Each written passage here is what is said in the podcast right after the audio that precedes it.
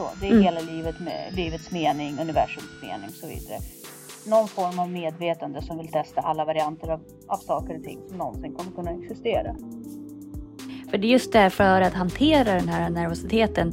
Enda sättet är ju att vara så förberedd att du kan gå på autopilot. Och Ja, tappar man då hela sina, alla sina anteckningar och allting. Och så tänker jag, det är nu det händer. Mhm. Det är nu det händer. Det är nu jag kommer förändra det här och fånga och ta över kontrollen. Hur förhåller du dig till döden? Inte alls. Skönt. Jag är så här oförberedd, hjärtat bultar, jag bör, min, min synfält börjar krympa lite.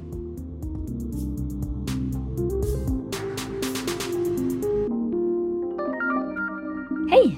Hej! Hur är det? Ja, här sitter vi och det är redan oktober. Ja, Det är, det är skönt. Jag tycker om oktober. Oktober är den, det är sista månaden som jag gillar. Mm. Innan maj. och sen blir det lite tuffare. ja nej men den är faktiskt...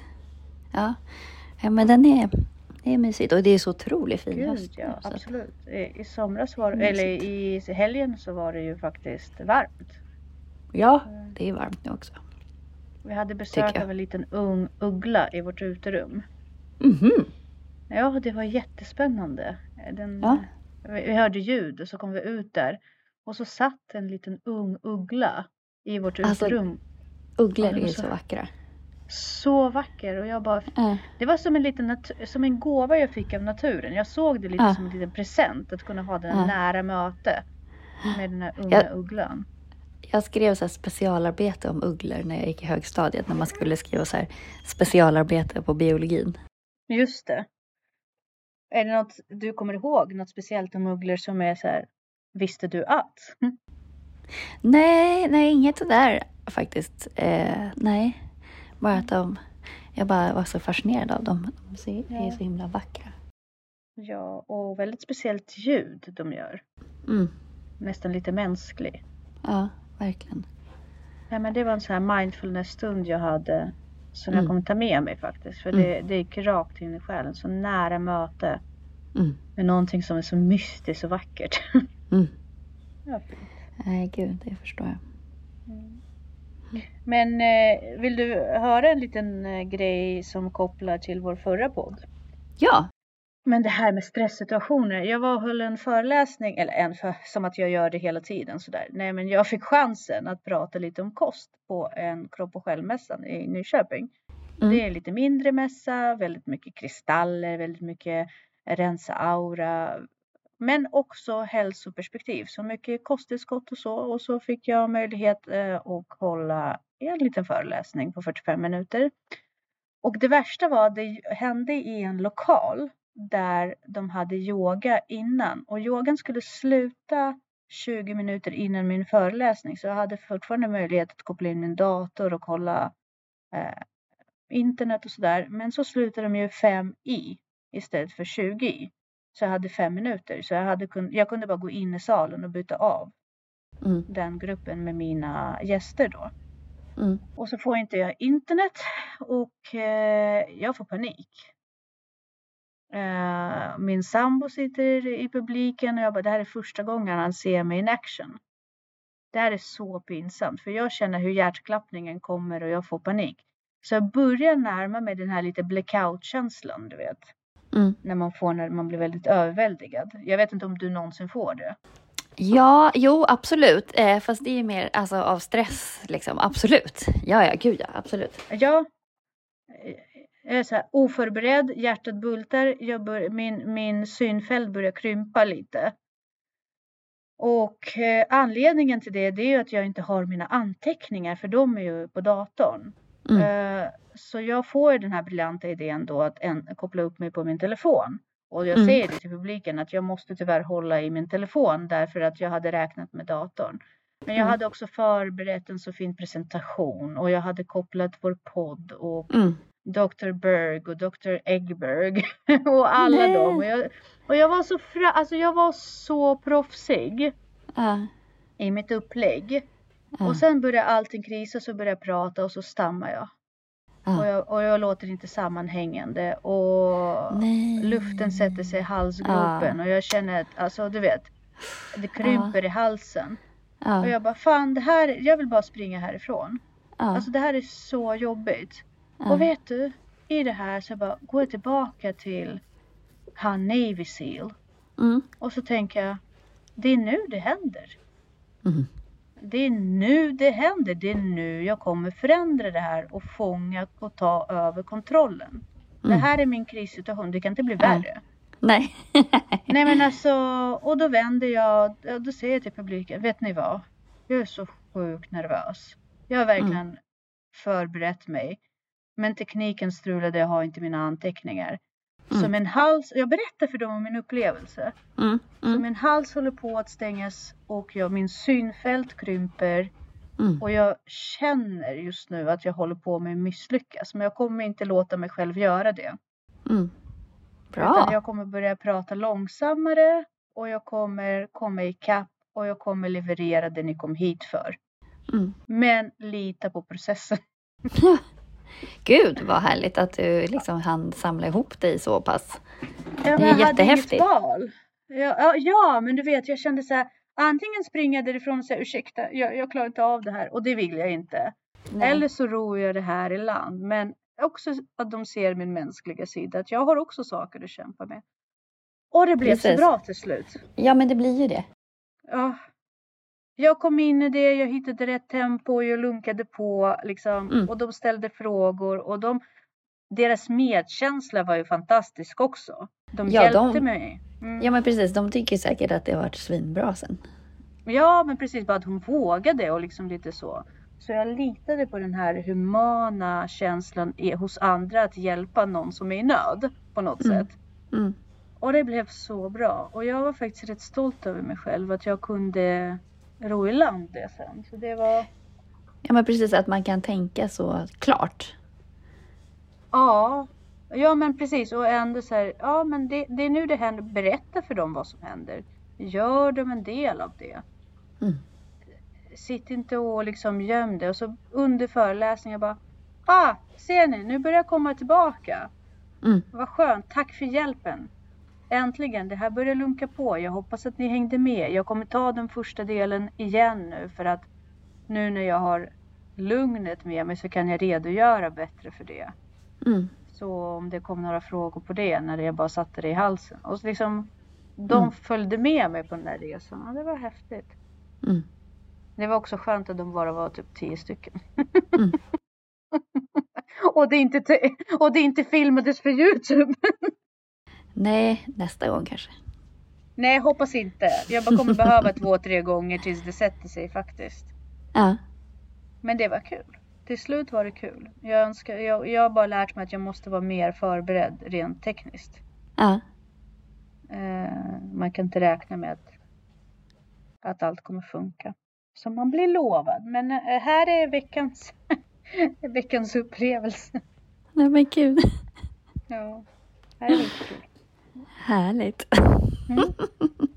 Du börjar garva. Nej men alltså det är otroligt starkt. Jag vet inte om jag hade kunnat finna mig i den. För det är just det för att hantera den här nervositeten. Enda sättet är ju att vara så förberedd att du kan gå på autopilot. Och Ja, tappar man då hela sina, alla sina anteckningar och allting. Exakt. Ja men speciellt nu för tiden. Det var en sak liksom, tidigare när man kanske bara byggde det mesta på att prata. Liksom, så. Men nu bygger man ju ganska mycket av en föreläsning på interaktiva medier. Exakt. liksom att, sen så är det klart att man kan prata men du tappar ju kanske lite av strukturen och Ja, och jag hade så fina klitschiga liksom, poäng och jag hade en flow i den här presentationen som jag hade som jag tappade under stress. mm, Jag hade inte den visuella liksom, referensen som jag räknade med att ha mm, på samma sätt. Och, men, men de hjälpte mig och jag, kom, jag rodde i land. Det som är lite tråkigt är för att jag ville ju att de skulle få med sig de här anteckningarna genom att fota en kod eller direkt få dem. Mm. Men jag kunde inte göra det. Det är klart att de tappar intresse efter föreläsningen. I stunden så hakar man på det. Men efteråt så blir det så här. Nu ska vi handla. Nu ska vi göra det här. Så folk tappar ju det. Så det var ju synd. Mm. Men bättre lycka nästa gång. Ja. ja, men man ska ju igenom några sådana där innan det sitter. Ja, jag tänkte också det. Om jag inte börjar nu då kommer jag aldrig lyckas. Så, så är det. Men ja, jag drog en liten Tanja där. Ja, men eh, ska vi säga varmt välkomna, Välkomna till Ansvarspodden.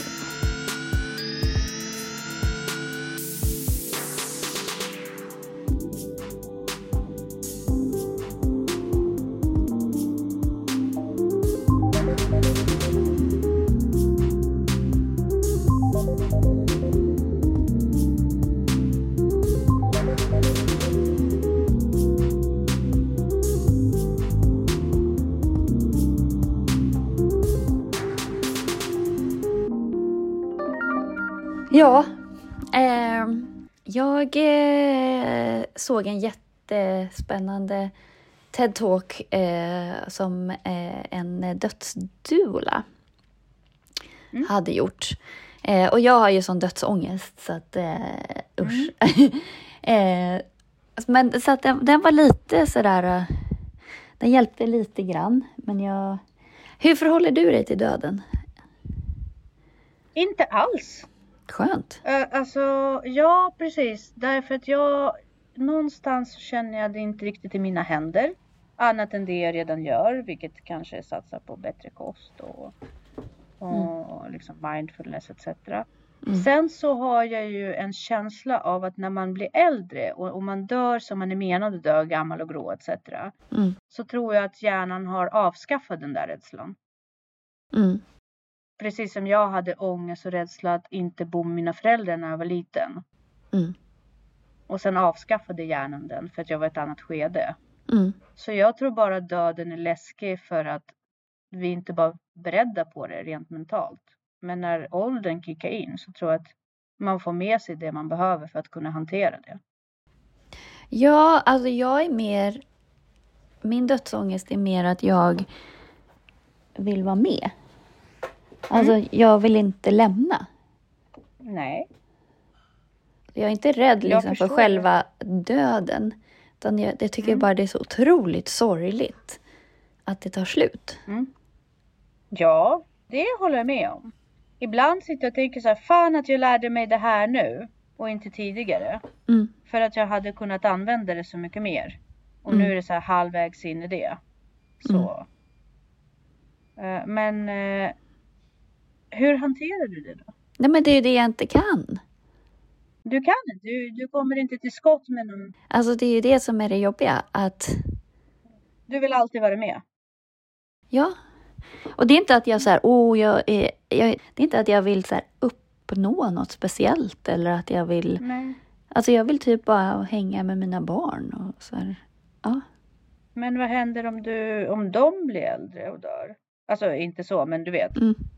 Säg, säg att du inte du skulle slippa dö och så Mm. skulle de bli äldre och dö. För jag har ju haft romantiseringar kring att vara vampyr när jag var tonåring. Det har varit Mm. väldigt mycket min grej. Mm. Jag vill, min plan för att bli stor, det var att jag skulle bli vampyr. Mm. Men vad hände med den biten sen liksom? Alla andra dör ju. Ja, alltså förhoppningsvis, alltså jag har inte tänkt så långt så att någonstans, det är klart att om du blir ensam, då spelar det ingen roll. Men det kommer ju alltid finnas någon kvar, tänker jag. Alltså som du har lärt känna. Alltså det finns alltid så här barnbarn och barnbarnsbarn och så här. Mm. Det är som jag kan få så här ångest över att mina barnbarns barnbarnsbarn som jag aldrig ens kan relatera till kanske kommer dö. Alltså i att jorden går under eller något sånt. Alltså sånt har jag också ångest över. Alltså det, det ger mig ångest att de här sakerna händer. Mm. Men brukar du aldrig tänka så här, din farfars farfars far kanske dog i under Vasatiden under Stockholms blodbad? Jo. Det är obehagligt. Och det ger dig också ångest? Ja, men jag får ju ångest av att bara tänka på att någon, alltså stunden när någon dör. Eller stunden när någon far illa. Eller, Mm. ja. Men förknippar du alltid döden med något negativt? Nej, nej, nej, nej. Alltså, jag, det enda gången som döden inte är negativ Mm. för mig är när folk Mm. har valt det själva. Mm. Alltså sen kan man ju tycka så här, fan vad onödigt. Alltså, och, och vad Mm. otroligt sorgligt att, att man hamnar i den positionen att man känner att det är enda utvägen. Eh, Jo, men, det kan jag, tänker- ta mycket, mycket, alltså så här, jag har ju haft kompisar som har begått självmord och då kan man ändå känna så här, men vet du, Mm. jag hoppas att du fick frid och att det här var Mm. ändå ditt eget val.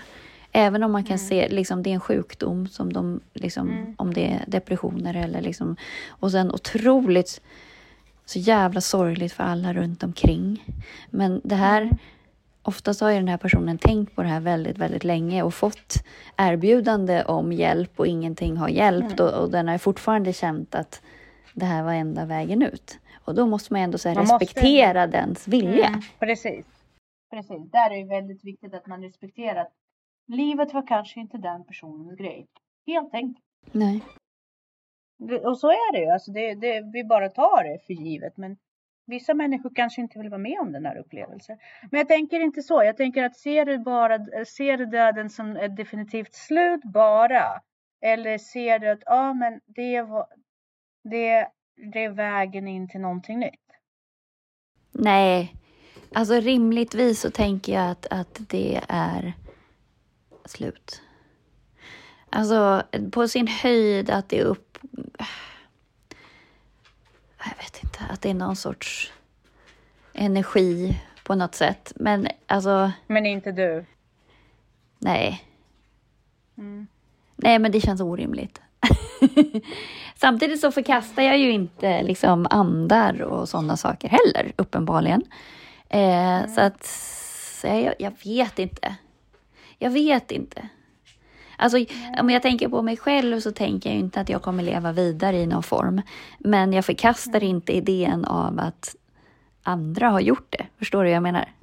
Mm, mm, mm, mm. Jag förstår exakt. Men vad gick podden ut på då? Eller TED-talken? Nej, att hon pratade ju bara, hon var ju så här dödsdual, alltså hon pratade ju bara om, dels gav hon en ganska fin bild av vad hon trodde hände. Eh, och sen Mm. så pratade ju hon om det här med att, att vi måste ta hand om varandra mera och också våga prata om döden och speciellt om man har folk som man vet ska dö.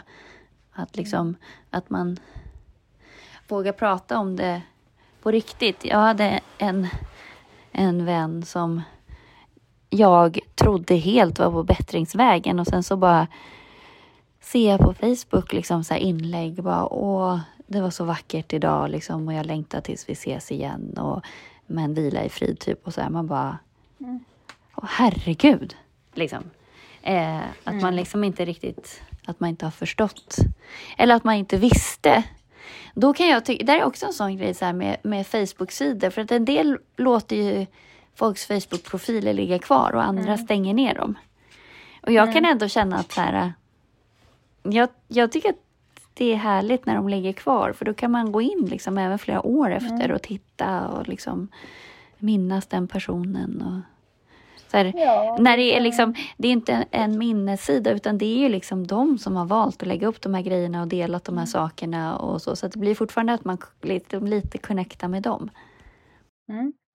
Jag håller med. Jag tycker också det är trevligt när sidor ligger kvar. För de har, läm- de har ju byggt någonting. De har ju byggt en bild av sig själv som de ville bli sedda, precis som du säger. Mm. Och då kan man liksom finna någon form av, åh, just det, ja då hände det, ja, jag minns när hon gifte sig eller jag minns när de fick det här tredje barnet. Mm. Och då får man liksom, det, det blir ju sällan så att man åker till de familjer och tittar igenom deras familjealbum efter att en kompis har gått bort. Nej. Så det, jag tycker också det är väldigt trevligt när sånt är kvar. Mm. Men det här med att våga prata om döden med de som är på väg härifrån. Mm. Jag tänker så här, när man pratar med sina morföräldrar och farföräldrar och människor som, som förväntas att dö för en själv. Ja, men även sina föräldrar. Tyvärr. Ja. Att de börjar också När komma börjar man prata döden med dem? Ja, men jag jag har frågat mina föräldrar så här, gud, alltså hur tänker ni kring det där? Och så här, men de flesta verkar vara rätt coola med det. Liksom, det är bara jag som har ångest. Typ. Men, för jag tror att något händer med hjärnan, det är det jag säger. Mm. Det är samma sak som jag ville absolut inte eh, få egna barn när jag var liten. För då Nej. slutade liksom, i mitt huvud så slutade storyn att handla om mig. Mhm. Förstår du vad jag menar? Då Mm. blev det om det där barnet. Men sen så blev jag ju stor och förstod att min story fortsätter, fortsätter ju. Och Mm. mitt barns story också där och så vidare. Så att hjärnan blev preppad på ett helt annat sätt. Vi får Mm. nya funktioner. Och Mm. jag tror och hoppas på att det de, funk- de funktioner kickar också in inför döden. Mm. Att de känner så här, nej men det är rätt chill nu, nu är jag mätt. Jag, jag börjar faktiskt bli rätt trött. Jag tycker det är rätt skönt att inte behöva fira en till jul nu. Mm. Jag kan släppa. Mm. För jag tror ju ändå att, att jag, alltså, hade alla äldre människor lidit av dödsångest, då hade vi på något sätt fått veta det. Tror inte du det? Jo, men det säger hon ju också. Att, att så här, om, Mm. Föreställ dig att du firar din 837 födelsedag. Liksom. Att den är Mm. inte så speciell längre och det, liksom, det betyder ingenting. Eh, men eh, det är lätt att säga, känner jag. Alltså, för jag, blir typ, alltså, jag börjar typ gråta bara jag tänker på det. Mm. Så då är din teknik att, inte, att sluta tänka på det, eller? Ja. Ofta när du hamnar i det. Ja, vad ska jag göra? Liksom? Jag kan inte göra något åt det. Det är som du säger, det är liksom utanför min makt. Samtidigt som man kanske ska... Det är ingen som vill prata om Nej, men, Om hur jobbigt det är att dö. Ja, eller om döden överhuvudtaget. De flesta är så här, men gud vad jobbigt. Så här, gud vad tråkigt. Ja, Eh, ja men sam- det är för att vi inte, vi, vi är ju in, alltså våra gener och vårt, eh, all, hela vår hjärna är ju så fokuserad på liv. Därför det är det som är meningen att vi ska göra. mm, Vi ska fortplanta oss och sen ska vi tillgodose vår avkomma. Och så ska vi hela tiden vara inne på att införskaffa resurser för att överleva, överleva, överleva. mm, Det finns ju ingen funktion i döden för oss. nej. Så det är inte så konstigt att vi undviker det. Däremot, vi var inne på det för Ja, det blir väl några månader sedan nu att jag pratade om det här med eh, att det var en fysiker, eller en är det inte, det är ett helt gäng som har kommit på nu att utifrån matematik och hur världen är beskaffad så tror man att det vi ser är en simulation. Mm, Och att Matrix-teorin liksom är mm, inte så långsökt som man tror utan det är, den är närmare oss och livets mening och vad som finns bortom universum än vi tror. Och Mm. han menar ju då på att när man dör mm, så kopplas man ut ur den här världen. mm, Det medvetandet som kopplas ur, den är inte lik den som har varit här. Utan Mm. det har ju bara varit det här, det vi är i den här världen är ju bara en karaktär. Som då, det var menat för mig så här, ah, så här skulle det kännas om världen var 3D och så lever man ett liv. Och så kanske man går vidare och kopplar sig, det där andra medvetandet kopplas in något annat. mm, Ja, ah, lever ett liv så. mm, Och meningen är hela tiden att testa alla möjliga varianter av allt. Så den här stora medvetande dator och maskin, kalla det vad du vill. Alltså övermedvetandet. Den är ju bara inne ö, att testa allt som kan hända. mm. That's it. Ja. Alla varianter och av allting som kan hända är den inne för att testa. Så det är Mm. hela livet med livets mening, universums mening och så vidare. Någon form av medvetande som vill testa alla varianter av, av saker och ting som någonsin kommer kunna existera. Mm. Och utifrån det har jag också tänkt så här, jaha, ja det är väl bra. Och då är det också ganska skönt att få vara mig själv därför att då vet jag att den versionen av mig är precis den som ska testas. Mm. Det finns en mening för att jag skulle ändå rent matematiskt kunna komma till. Ja. Det är väl skitbra att man testar den här versionen då, tänker jag. Ja. Förstår du? Det- ger mig, det, det, det ger den lilla individen, mig, ett syfte. Jag vet, och det finns ju den massa sätt att tänka på. Och sen så, så tänker man så oftast. Och sen så, men sen så ibland kommer man på de här existentiella ångestfrågorna. Och vad, vad, vilka är det då? Nej men det här med döden eller meningen med Jo. livet eller så. Och då blir man ledsen för att allt är så meningslöst men ändå så fantastiskt så att man vill vara med. Mm. Har du testat kognitiv beteendeterapi? Ja. Nej jag skojar bara. Men det, det är ju också så att man tränar ju sin hjärna. Mm. Man tränar ju sin hjärna i att, i att tänka ångestfyllda tankar. Ja, men jag känner också att...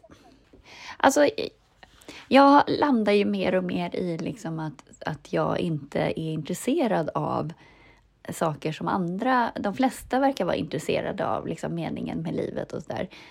Eh, vilket gör att jag bara känner så att, att, ja, men att, att man är så fel ute. Eller liksom att man inte passar in. Nej. Och då tänker du att, du att ditt sätt att tänka kring döden eller att vilja prata om döden utmärker dig som något annorlunda? Nej, men just så här, vad är meningen med livet och liksom att så här, jag har inget, liksom, min mening med livet är inte att uppnå någonting. Eller liksom, min mening med livet är typ så här, jag vill bara vara. Mm. Och jag vill göra saker som jag finner lustfyllda och rofyllda. Så här, jag, jag är egentligen, alltså så här, min mening med livet är inte att imponera på andra eller uppnå någonting stort. Men varför blir det så ändå? Jo, men det är ju alla andras mening med livet. Alltså folk vill ha Nej, karriär jag och pratar få... inte om det. Jo, jo, men jag pratar om, om dig till exempel. Ja. Du vill inte uppleva någonting stort. Men din kärlekshistoria är ganska stor. ja. Jo, men jag vill liksom Du- bara... Jag vill inte... Jag har inga behov av att andra ska ta del av... Alltså förutom de, de personerna som ingår i just Ja. det. Liksom. Men jag har inga, inga behov av att göra karriär eller inga behov av att eh, uppnå någonting statusfyllt eller... Alltså, jag går inte igång på det. Alltså- jag skrattar för att vi har haft precis samma konversation med min pojkvän igår. Alltså, jag går mer igång... Mm. Ja, men jag går mer igång på att bara så här, vara i skogen eller vid vattnet eller ja, men så här, ta en promenad eller läsa en bok Mm. eller Mm. alltså det mår jag bra av. Ja. Och sen så är det ju Och- så här och- kul att vara på jobbet och göra liksom om andra mår bra och så. Men jag går ju inte igång på det att så här, Nej. ja, jag vet inte. Nej. Alltså jag måste ju betala räkningen också och jag har ett Exakt. fantastiskt sätt att göra det på. Exakt. Men Det var det vi landade i. För han ville ha pengar. Han ville vara rik. Och han vill ha pengar som kan göra mer pengar. För Mm. att han ska Mm. kunna. Såklart, för då Ja, kan man ju bli lämnad i fred. Ja. Alltså det är en Men i frihet. mitt, blir, ja, men i mitt lämnade fred så behöver inte jag ha rikedomar. För han vill ju ha rikedomar för att han verkligen ska kunna vara bekväm och bo i ett stort hus och bla bla Mm. bla. Alltså, Mm. han har Jo, men en absolut. vision. Det är klart att Jag man... har inte den visionen. Nej men det, alltså ju, ju mer liksom, monetära resurser du har, desto mer kan du bli lämnad i fred. Alltså desto mer får du Fast- disponera din egen tid. Jo, men jag tänker så här. Jag, jag vill inte ha så mycket pengar så att jag kan köra en bra bil. Jag vill bara köra en bil. Ja, men där lägger man ju betydelsen i olika saker. Jag har ju ingen behov av att resa till exempel.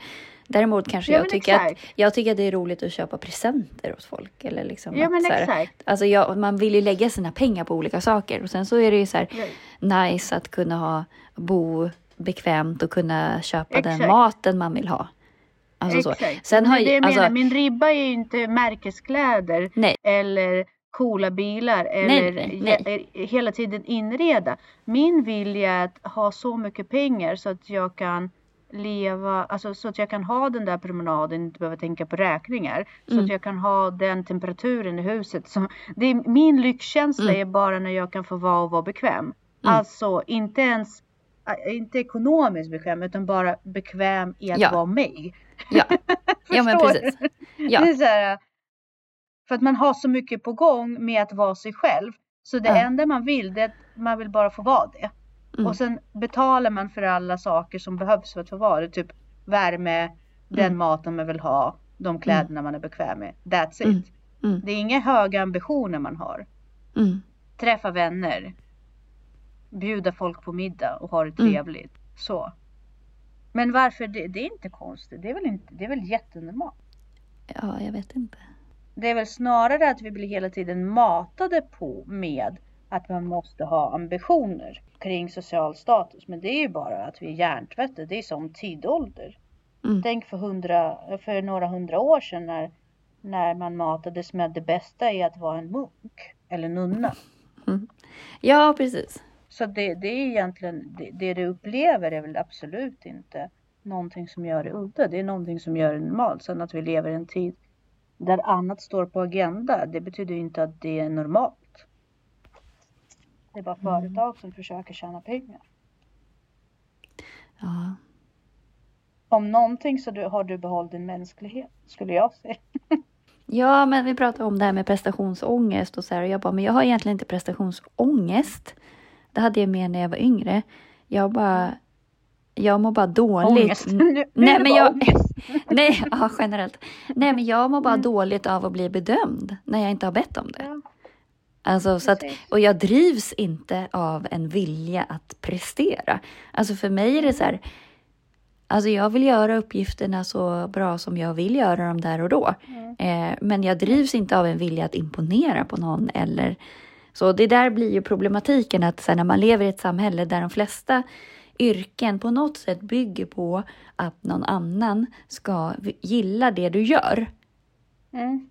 Eh, och du absolut inte har eh, varken en vilja eller ett behov av att någon annan ska gilla det du gör.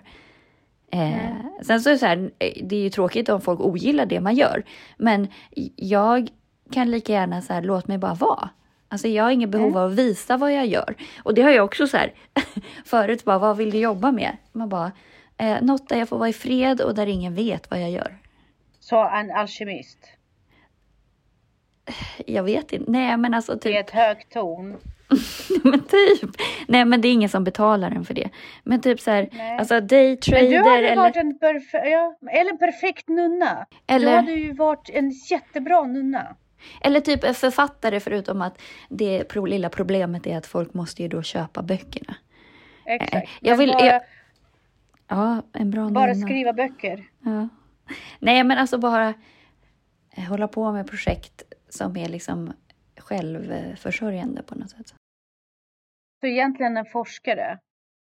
Du visade att vara så pass bra på att vara människa så att vad du än gör blir bra och du, det bekostar man dig. För, ja, men det, den här men det är bara en konstform av att henne. Så Ja, men det finns ju massa grejer som är roliga om man tittar Ja. på det. Men eh, det bygger ju på att andra då ska gilla det och vilja ha av det. Och det är där det faller, att man då blir beroende av andra. ja, men då ska man ju vara självförsörjande Mm. ute i skogen. Alltså typ Mm. ärva ett gammalt hus och ha sitt eget självförsörjande liv. Det hade jag Mhm. faktiskt inte haft någonting emot. Vad hette den filmen med eh, Viggo Mortensen? Är det The Captain tror jag den heter? Där Mm. han uppfostrar alla sina fem barn. Någonstans ute i Amazonas. Har du sett Oj. den? Nej. Ja men och de efter många ja, det, omständigheter, jag vill inte spoila men omständigheterna gör att han måste ta dem till civilisationen. Mm. Och då sätts, sätts de i köket med sina kusiner som är amerikanskt uppfostrade och har alltid levt i USA. Och Mm. det visar sig att de här två små kusiner är redlösa, respektlösa, överviktiga och saknar Mm. utbildning helt. Där Mm. vi pratar preteens, teens liksom. Mm. Medan de här är empatiska, eh, lever eh, ihop med naturen, har bra värden, väldigt bra utbildning. Mm. Och så skrattar de här kusinerna de inte vet vad en iPhone är. Och de bara, varför, varför behöver jag en iPhone? Jag har allt jag behöver för att leva. Mm. Jag har ingen behov av en iPhone. Nej. Jag kan odla mina egna örter. Så lite Mm. den, det var, det var coolt. Ja. Och det, det matar ju lite det här med att man vill bara få vara i fred och leva och lära sig att leva och bemästra det. Mm. Men så funkar det inte. Det måste, man måste kunna köpa och sälja. Mm. Ja, Så vad tar vi med oss idag Jessica? Om vi ska... det har varit väldigt rörigt ska idag. ja men om vi ska summera. Om man har... Va, vad har man egentligen dödsångest över? Hur ska man finna sig i det? Och är det egentligen fel att ha det? Jag vet inte. Alltså det är, det ja, nej, det är svårt. Känner du att du blir lite av en bättre människa när du tänker på döden? Nej. Du gör inte? Du börjar inte behandla folk lite bättre? Eller? Ja, du menar så att man tar vara Ja. på livet mer, värdesätter Ja. livet. Ja. Jag, jo, jag blir mer tacksam. Alltså värdesätter ju enklare och enklare saker och till slut så värdesätter Mm. man ju bara att man vaknar på morgonen. så jag vet inte om Det jag är väl blir... en jättebra grej? Ja, jag vet inte, men eh, ja. Det är väl superbra att man lever och är tacksam för att man får? Mm. Wow. Ja, kanske det. Det finns ju ett jättefint syfte. Så då fyller ju dödsångesten en jättefin funktion. Mm. Du bara, jag, jag köper inte det. Nej, jag vet inte om jag tycker att det är så märkvärdigt, men... ehm, jo, men alltså det är väl bra att man liksom... Ja, men det är väl kanske det, att jag sitter här och bara... Jag är ganska nöjd. Ja. Eh, men den här nöjdheten här. passar... Ja, men den här nöjdheten passar liksom inte riktigt in i alla andra sätt att tänka. Det, det, är det, det är det sista du ska vara, så är det ju att vara nöjd tydligen. Ja, men då är det, då, jag säger så här, du är frisk. Och alla andra måste hitta hit och inte det ansvarspodden egentligen handlar om. Mm. Att vi ska kunna finna den här tacksamheten för att vi överhuvudtaget får leva. Mm. Det ger ju lite perspektiv. Mm. Det ger ju lite annan syn på människor. Bara herregud, här sitter du och klagar och klagar. Mm. Folk har ju fan inte mat för dagen, saknar lemmar, lever i krig. Och jag kan sitta och vara nöjd Mm. och tacksam. Mm. Ah, det är fel på folk. Jag hävdar Ja. det. Jag fastslår att det är inte fel på dig, det är fel på folk. Okej, tack så mycket. Ja. Ja. Vi släpper. Ja. Men, eh, åh, djup diskussion. Fin diskussion tycker jag. Gjorde mig glad det där oktober eftermiddagssol. Vad bra om du inte var så pepp innan. Nej, men jag, jag känner att jag kan förankra lite mitt liv och mina tankar i det här samtalet. Mm. Och faktiskt bli gladare av det. Mm. Ska vi säga tack och hej? Det gör vi. Tack och hej. Tack och hej.